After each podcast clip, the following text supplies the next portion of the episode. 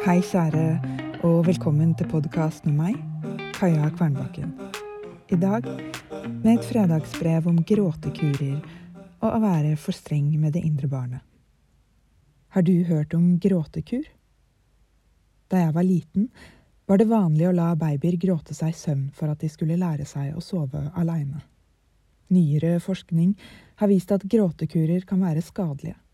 Ja visst slutter babyen å gråte på et eller annet tidspunkt, men bare fordi nervesystemet deres stenger ned. De får ikke hjelp uansett. Det er tryggere å være stille.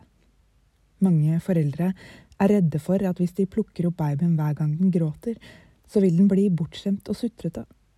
Men faktisk blir babyer som lærer seg at de blir tatt vare på hvis de sier fra, tryggere enn babyer som må gråte det ut. Mindre avhengige av foreldrene sine eller andre former for ytre trygghet fordi de stoler på at hjelpen er der når de trenger den. Jeg innså nylig at jeg har hatt samme forhold til mitt indre barn som generasjoner med foreldre har hatt til de faktiske barna sine.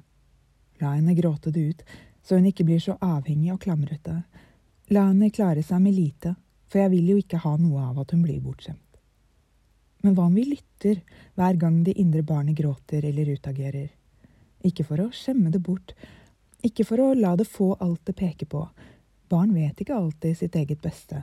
Men for å forstå, og for at barnet skal føle seg lyttet til og tatt på alvor.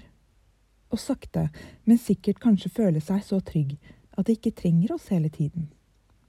Hva om det indre barnet kan stole på oss? Hva om det indre barnet vet at det er trygt å si ifra? Her er vår trygghet og omsorg, også for oss selv.